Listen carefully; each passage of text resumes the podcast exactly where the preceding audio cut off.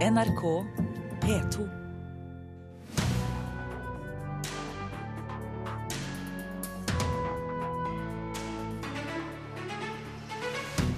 Fotball-VM får folk til å kjøpe nye TV-apparater.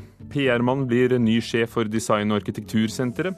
Gutter flest skyr dans, men Nasjonalballetten håper ny dokumentarfilm kan vekke interessen. Og tidenes enkleste kinofilm er norsk og en stor opplevelse for vår anmelder. Og den anmeldelsen kan du høre senere her i Kulturnytt i Nyhetsmorgen med Ugo Fermarello i studio. Mens Kroatia og Brasil forbereder seg til å sparke i gang fotball-VM i kveld, og flyplassarbeiderne i Rio lurer på om de skal streike på denne første dagen av begivenheten, rigger stadig flere seg til med nye store TV-apparater for å følge mesterskapet. Hos elektronikkjeden Elkjøp har TV-salget gått i været før mesterskapet starter i dag, og det er de største skjermene som selger best. Fotball-VM er en av verdens største fjernsynsbegivenheter, og elektronikkindustrien har satset stort på å bruke mesterskapet til å sparke liv i TV-markedet. Man vil alltid ha noe nytt og stort. På en elektronikkforretning i Oslo står trønderen Eskil og ser beundrende på en av de største TV-skjermene i butikken. Han er ikke i tvil om hvordan han skal bruke TV-kveldene framover. Fotball-VM er det artigste idrettsarrangementet jeg ser. I dag starter fotball-VM i Brasil, som er en av verdens største fjernsynsbegivenheter. Og det har fått mange nordmenn til å bruke feriepengene på ny TV. Det er åpenbart at det er en sammenheng mellom eh, fotball-VM og salget av TV. Det, det er ingen tvil om det. Det sier Andreas Westgård, som er kategoridirektør i Elkjøp. Landets største elektronikkjede har de siste ukene opplevd at salget av de største TV-skjermene har tatt helt av. Ja, Det er en kraftig økning på ca. 50% i eh, segmentet av store TV-er. Eh, og Hvis du ser på de som i dag regnes som ekstremt store, altså 65-75 tommer, så har vi en syvdobling av salget innenfor det segmentet and unique social viewing. This FIFA World Cup Flere av de store elektronikkselskapene har kastet seg på VM-bølgen nettopp for å sparke liv i TV-salget. Sony er en av VMs hovedsponsorer og bruker mesterskapet til å lansere selskapets nye høyoppløselige TV-er, mens Panasonic sender reklamekampanjer med Brasils stjernespiller Neymar. Når veldig mange samles foran TV-skjermen, så blir du jo minnet på at nja, skulle jeg kanskje hatt en bedre skjerm, skulle jeg hatt en større skjerm? Så det benytter jo Sony og alle de andre leverandørene seg av. Sier teknologiekspert og medieutvikler i NRK, Eirik Solheim. De siste årene har TV-salget dalt betraktelig, bl.a. pga. økt konkurranse fra nettbrett. Men fotball-VM er en begivenhet som fortsatt samler folk foran den store skjermen. Det er et typisk arrangement hvor veldig mange samler seg entusiastisk rundt TV-skjermen. Den gode, gamle, store TV-skjermen i stuen. Vi kan se på filmer på nettbrettene våre, på datamaskinen og på mobiltelefonen og når vi vil. Men de store eventene, sånn som OL og VM og den slags, samler fremdeles ganske mye mennesker rundt den gode, gamle gamle TV-skjermen, og vi er flere som samles og, og, ser på og opplever tingene sammen, fordi at det foregår direkte. Flere hundre millioner mennesker kommer trolig til å følge med når åpningskampen mellom Brasil og Kroatia blåses i gang i kveld. Men for Eskils vedkommende ble det ikke noe ny TV denne gangen. I morgen så skal jeg til en kompis og se åpningskampen. Hva slags TV har han? Tror den er litt sånn bob-bob, men eh, det blir hyggelig uansett. Og reporter her, Halvor Haugen.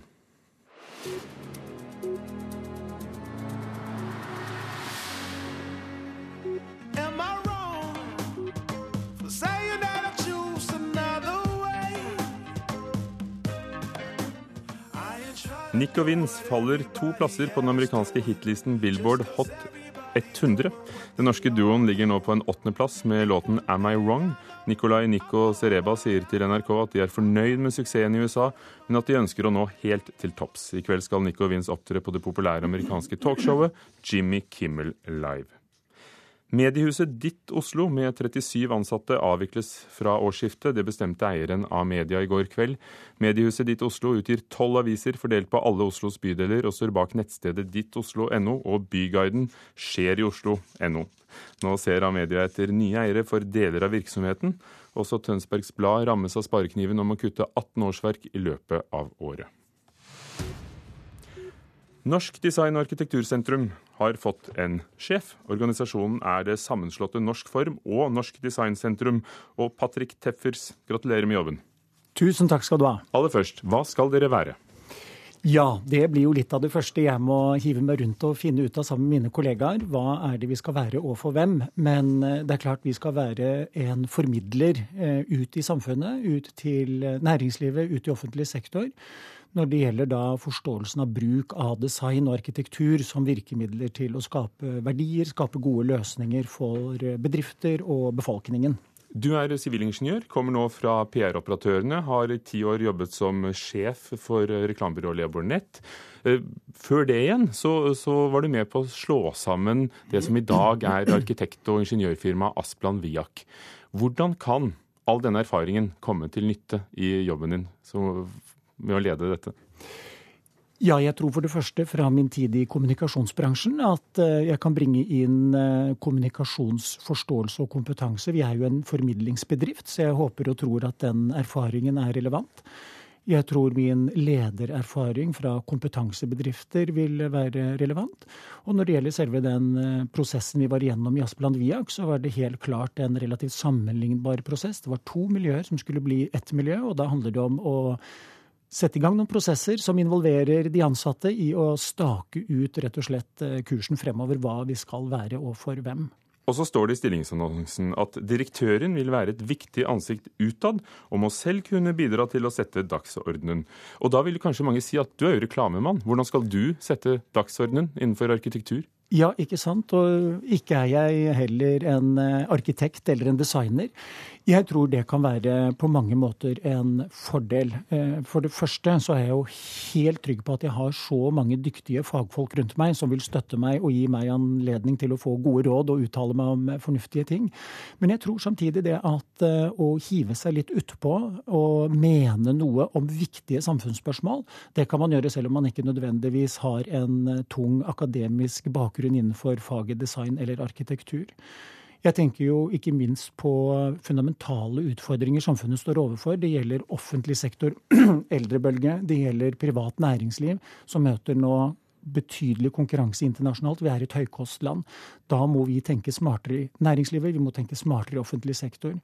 Og, og hvordan si, tenker du at dere skal bidra til det? Ja, ikke sant. Og når jeg nå ser hva vi faktisk har bidratt til, så blir jeg jo veldig, veldig imponert. Jeg tror det er ganske mange som har et godt forhold til eh, arkitektur og design når det gjelder fysiske produkter. Men når vi nå ser hva metodikken som designere og arkitekter bruker kan bidra til innenfor tjeneste- og servicenæringen, så ser vi veldig spennende ting. Kan hvis jeg får lov å nevne et eksempel. Oslo universitetssykehus. Som altså da hadde dessverre lange køer for de med brystkreft. Gjennom da et prosjekt og samarbeid med oss, så klarte man å se på dette med helt nye øyne, og resultatet er rett og slett en reduksjon i behandlingstiden med over 90% Det øker livskvaliteten til de som opplever noe så tragisk som eh, kreft det forbedrer effektiviteten i samfunnet. Det er altså bare pluss, pluss, pluss ved det. Så det er ikke bare hus, det er ikke bare uh, stygt eller pent, det er også industriutvikling. Uh, Norsk uh, designråd og Norsk Form har hatt forskjellige grupper de har henvendt seg til. Mens Norsk Form har, har, vært der for allmennheten, så har det industrien som har vært, skal vi kalle det, kundene til Designrådet. Hvordan skal dere forene dette?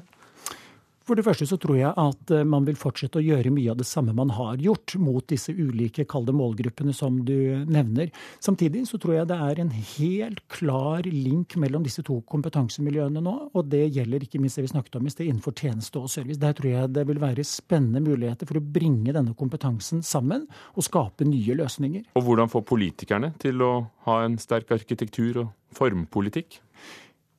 Ja, jeg tror eh, vise de gode eksempler, vise de verdien av det vi gjør, vil nødvendigvis få øynene opp for alle, tenker jeg. Jeg tror de blir like begeistret som jeg er i forhold til hva vi kan skape og bidra til i samfunnet. Altså det være seg offentlig eller privat sektor. Takk skal du ha, Patrick Tepfers, som er eh, ny direktør for Norsk Form og Designsentrum. Takk skal du ha. Nasjonalballetten ønsker seg en større andel eh, norske mannlige dansere, men mange gutter slutter å danse ballett når de kommer i tenårene, og fordommer kan være en av årsakene.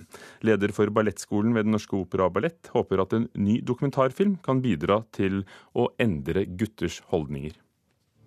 Det er jo litt svært å danse ballett, det er jo ikke alle gutter som gjør det. Det med ballett er veldig flott. Jeg liker å se dans. Sier regissør Kenneth Elvebakk. Men så hadde jeg hørt på, på operaen, på ballettskolen der, at eh, gutter slutter med ballett når de nærmer seg tenårene. Og at det er veldig få som fullfører ungdomsskolen eh, på ballettskolen. Russeløkka har et samarbeid der med, med ballettskolen. Og så gikk jeg inn og så eh, begynte å følge tolvåringer. Men i løpet av et halvt år så slutta faktisk fire av seks av de guttene. Så jeg sto der uten nesten noen medvirkende. Og så fant jeg da ei gruppe med tre gutter som var mye mer dedikert. I fire-fem år fulgte Elvebakk de tre tenåringsguttene Lukas, Syvert og Torgeir, som drømmer om å bli profesjonelle ballettdansere.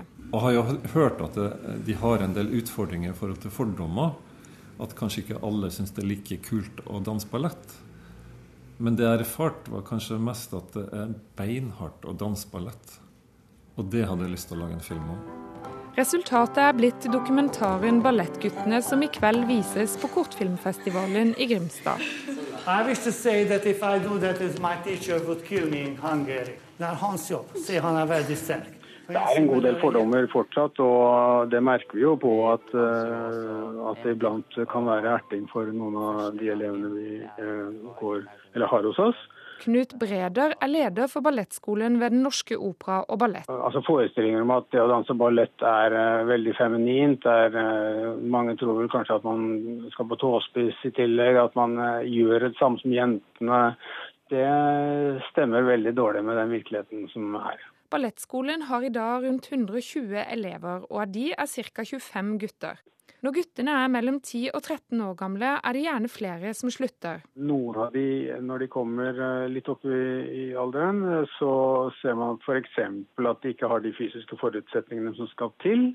Eller at de eh, får et visst press utenfra eller ønske utenfra, og fra seg selv også kanskje, til å, å, se venner lokalt, altså hjemme, eh, mer enn det de får gjort når de trener eh, mye ballett ved siden av. For tida er sju av totalt 27 engasjerte mannlige dansere i Nasjonalballetten norske. Knut Breder kunne godt ønske seg en høyere andel, og håper Kenneth Elvebakks dokumentar vil være med og bidra til en holdningsendring når det gjelder gutter og ballett. Dette er skikkelig hard trening, og det appellerer jo til veldig mange gutter. Um, så jeg håper at det skal gi gutter, både de som kan ha lyst og tenkt på det tidligere, virkelig det pushet som skal til for å begynne, og også for de som ikke nødvendigvis skal begynne, men som da uh, får et annet syn og et mer riktig syn på hva ballett for gutter uh, er. Og Ballettguttene er første dokumentar som vises på kortfilmfestivalen i Grimstad i ettermiddag. Reporter var Miriam Grov. 16 minutter over åtte, Nyhetsmorgen i NRK. Dyre medisiner blir dyrere. På ett år har utgiftene økt med 100 millioner kroner. Arbeidet med å overføre Joshua French til Norge går tregt, sier advokaten hans. UD sier de fremdeles jobber med å få French overført til Norge. Vinmonopolet må overta taxfree-salget på flyplassene, mener KrF og Senterpartiet, og fremmer forslag i Stortinget i dag. Og her i Kulturnytt fortsetter vi med den store begivenheten som starter i dag, VM i herrefotball i Brasil. En stor dag også for musikkinteresserte. Det kunne vært en stor dag. Flere av lagene har egne VM-låter, og det samme har selve arrangementet. Vi har kalt inn ekspertisen fra Josimar, fotballtidsskriftet som etter eget sigende er gjennomsyret av supporterens kjærlighet til spillet, klubben, leken, drømmen eller ballen.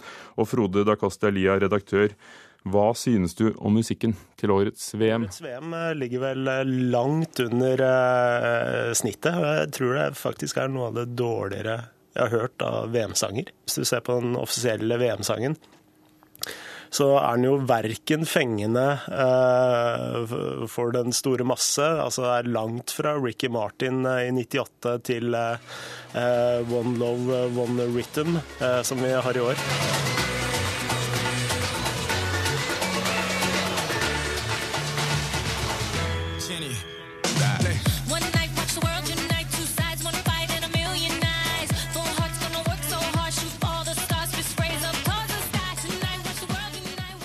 Hva er i veien? For det første så er det jo VM i eh, Brasil, eh, og at man da roper ut på spansk 'olé.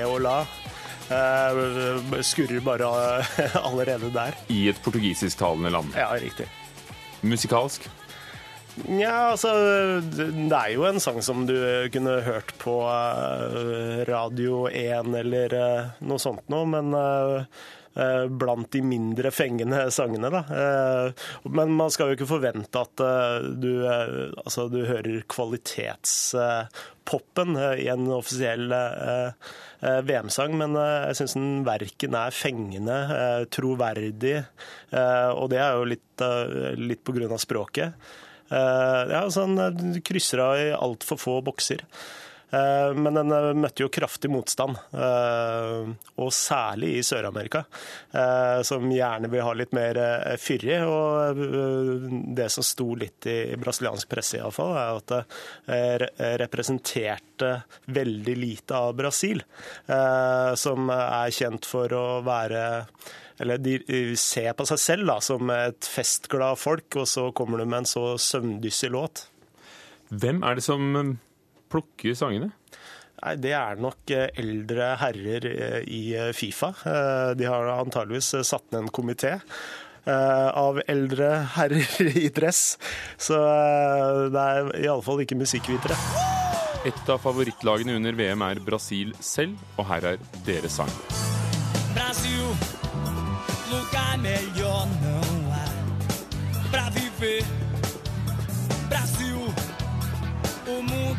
Já está dentro de você. Brasil, lugar melhor não há. Gabriel Mancini, hvem er han? Hva synger han om? Det, det går jo mye Brasil, Brasil, Brasil. Eh, og det er litt sånn typisk for eh, brasiliansk popmusikk. Altså, det trenger ikke å være VM, men jeg synger veldig mye om eh, sitt eget land og gjentar Brasil, Brasil eh, eh i den vanlige popen òg. Eh, det som er litt interessant, er at han er jo egentlig en pagode-artist. Og Fifa har jo satt ned Eh, forbud, eller ikke forbud, men et slags patent da, på en rekke portugisiske ord som eh, Brasil ikke får bruke eh, i, i, forkant av VM, under VM og en god stund etter VM. Og Der har de bl.a. tatt beslag på ordet pagoj, som er sambasjangeren i Eller litt roligere sambasjanger og veldig populær i Brasil. Så Mancini kan ikke markedsføre seg med at han synger pagoj på to år på platen sin? Riktig. Hva har en sang å si for et lag eller et land? Altså, det er jo med, altså, med å underbygge eh, den gode stemningen, lagmoralen eh, i eh, laget, eh, hvis du har en god VM-sang. Eh, selv om man skal ikke overvurdere eh, musikkens rolle på et lags prestasjoner, da, men det er med å, å, på en måte få med en hel nasjon i feiringen av et fotballag, og det tror jeg smitter også til en viss grad på laget. Er England en favoritt i år? Ikke i år, men eh, stort sett uh, hver eneste gang ellers så er jo eh, England et, en foregangsnasjon når det kommer til musikk og fotball. Derfor kanskje desto mer skuffende med tittelen og låten 'Greatest Day'? Ja, det var, det var tynn suppe, som det heter.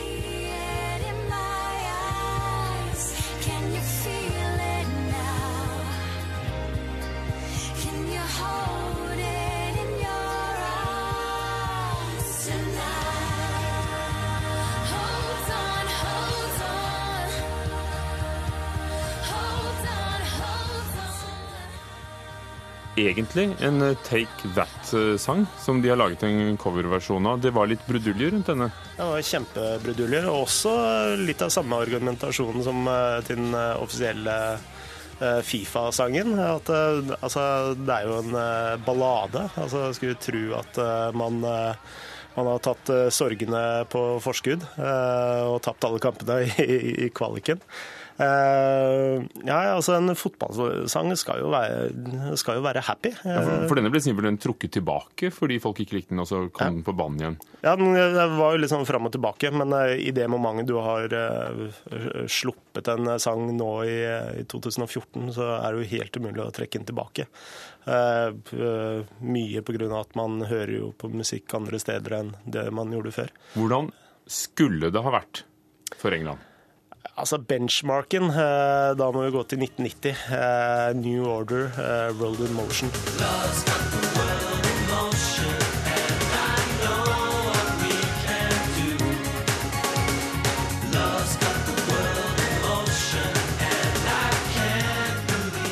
Frode da Costa dette roper jo 90-tallet. Kunne England gjort dette igjen? Ja, i en ny eh, produksjon, så altså, eh, Når du hører dette refrenget, så alle vil jo være med og synge på det refrenget. Eh, og det er vel kunsten til en god fotballsang. Det er jo allsangfølelsen. Uh, og det nailer denne sangen her utrolig godt, syns jeg. Og i tillegg så klarer de å å få med eh, spillerne inn i sangen. Altså John Barnes, eh, tidligere Liverpool-spiller, blant annet, eh, har jo et eh, veldig godt rappevers eh, på slutten av sangen. så det er forbilledlig gjort. You got to hold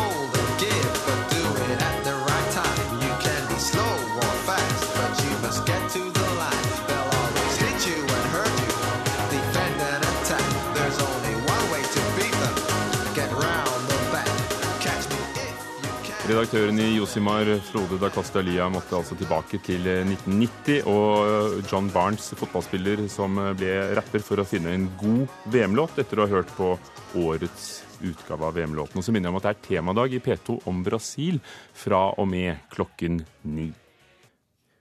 Dag Johan Haugerud laget filmen som fikk mye god kritikk i 2012, 'Som du ser meg'. Nå har han laget tidenes enkleste kinofilm, 'Det er meg du vil ha', som kan bli en kinovinner i år, ifølge vår anmelder. Det handler om en lærerinne som har forelsket seg i en elev, og Einar Gullvåg Staalesen synes filmen er blitt lekker, klar og dyp. Dette er begynnelsen på kjærlighetshistorien i begynnelsen av filmen. Jeg hadde ikke reagert sånn hvis det var en av de andre gutta som jeg hadde sett litt av magen på, da. Daniel ble en veldig sånn utfordrende elev etter hvert. Han, øh, han var liksom voksen. Han kunne ting. Han leste aviser, så dokumentarer på TV.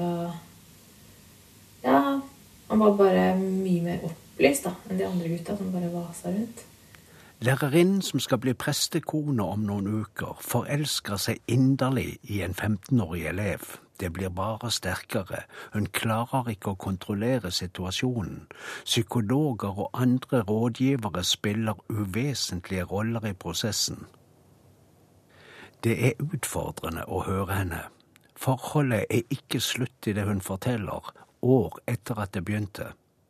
Hun virker lykkelig med det etter skilsmissen og noen sammenbrudd i nærmeste familie og omgangskrets. Sonja Evang har skrevet manuskriptet for teater som enakter. Det er en lykkelig omstendighet at monologen er blitt film. Da jeg kom hjem den dagen, så satt jeg bare ved kjøkkenbordet og, og grein og tenkte at uh, dette er ikke over. Dette er ikke over i det hele tatt. Det er bare enda verre. Det er intenst. Jeg tror det kommer av at vi lukker ørene for de andres historier. Det er bare hennes. Det vi får vite om andre, er det hun som forteller. Hun ser inn i kamera og gjennom linsen og inn i øynene våre og snakker direkte til oss i 50 minutter.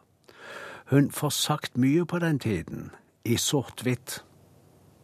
Talking head kalles det på filmspråket hvis man vil uttrykke seg kritisk. Talking head er gjerne kjedelig film, fotografert litteratur, et hode som snakker. Her er det en fantastisk dramaturgisk idé.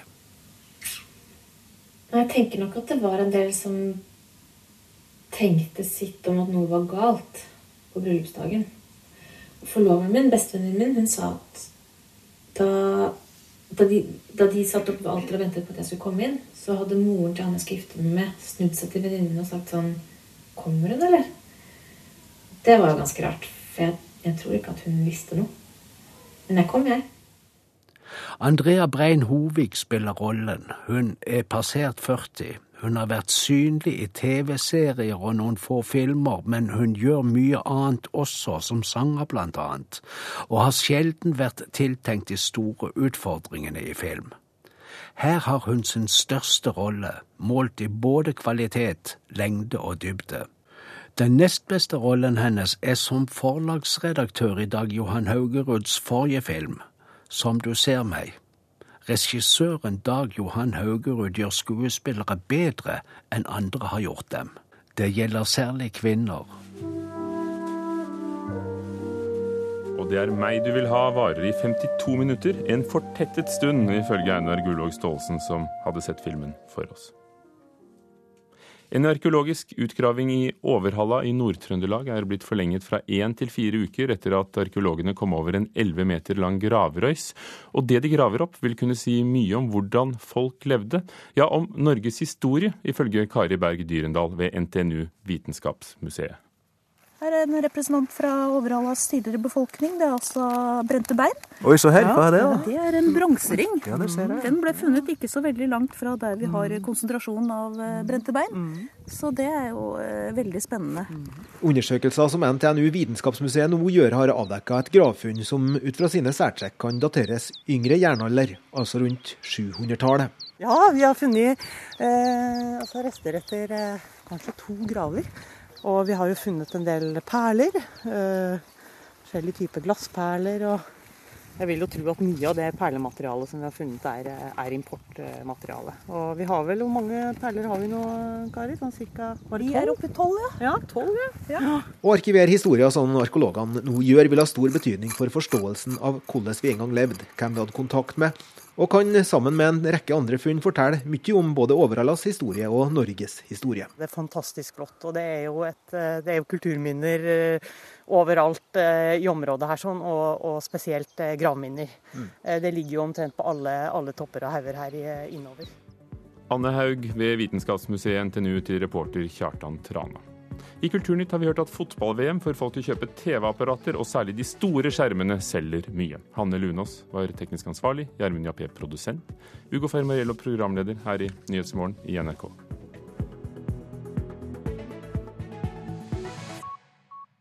Hør flere podkaster på nrk.no podkast.